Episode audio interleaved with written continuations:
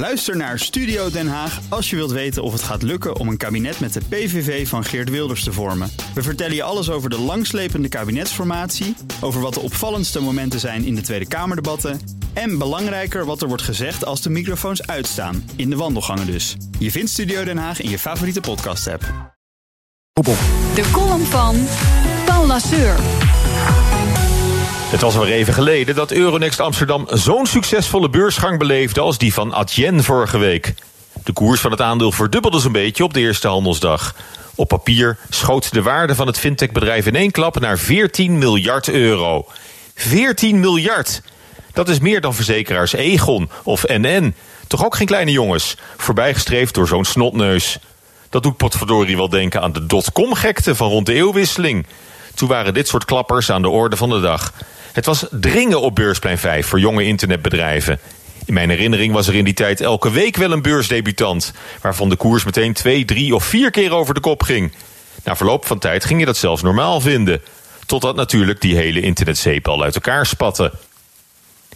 Ik zeg niet dat het met Adyen dezelfde kant op gaat als met World Online of New Economy. Kent u ze nog? Maar ik zie wel een paar parallellen die mijn argwaan en ongerustheid wekken. Een nieuwe speler op een snel groeiende markt met een uniek product en een hoop financiële hocus inclusief beursgang, om de oprichters en aandeelhouders van het eerste uur toch vooral de gelegenheid te bieden om hun belang te verzilveren. Cashen nu het nog kan. Want met een normale beursgang had dit weinig te maken. Het hele idee van een beursgang is nu juist dat het grootste publiek mede-eigenaar kan worden van een onderneming. Maar die kans kregen buitenstaanders niet van Adyen, dat slechts 15% van de aandelen naar de beurs bracht. Particuliere beleggers konden zich niet eens vooraf inschrijven op de stukken. En ook veel grote beleggers kwamen er niet aan te pas. Alleen de absolute elite van de financiële wereld had een vinger in de pap. Het was cashje voor de happy few. Waaronder de koffiejuffrouw, dat dan weer wel.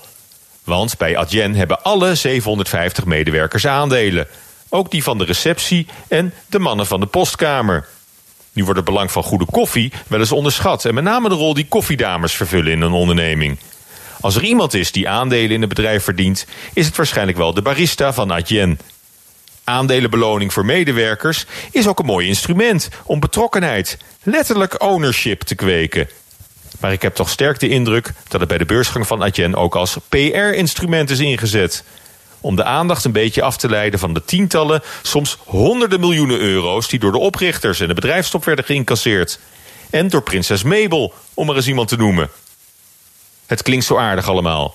Aandelen voor iedereen. Maar hier is de koffiedame gebruikt als excuustruus. Om de valse schijn van aandeelhoudersdemocratie op te roepen.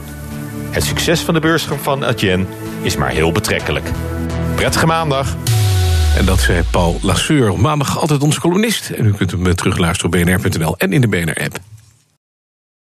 Ook Liesbeth Staats vind je in de BNR-app. Ja, heel handig. Luister live naar Kees en mij tijdens de Daily Move. Dan blijf je ook gelijk op de hoogte van breaking news en het laatste zakelijke nieuws. En daar vind je ook alle BNR-podcasts, waaronder de Perestrooikast. Download nu de gratis BNR-app en blijf scherp.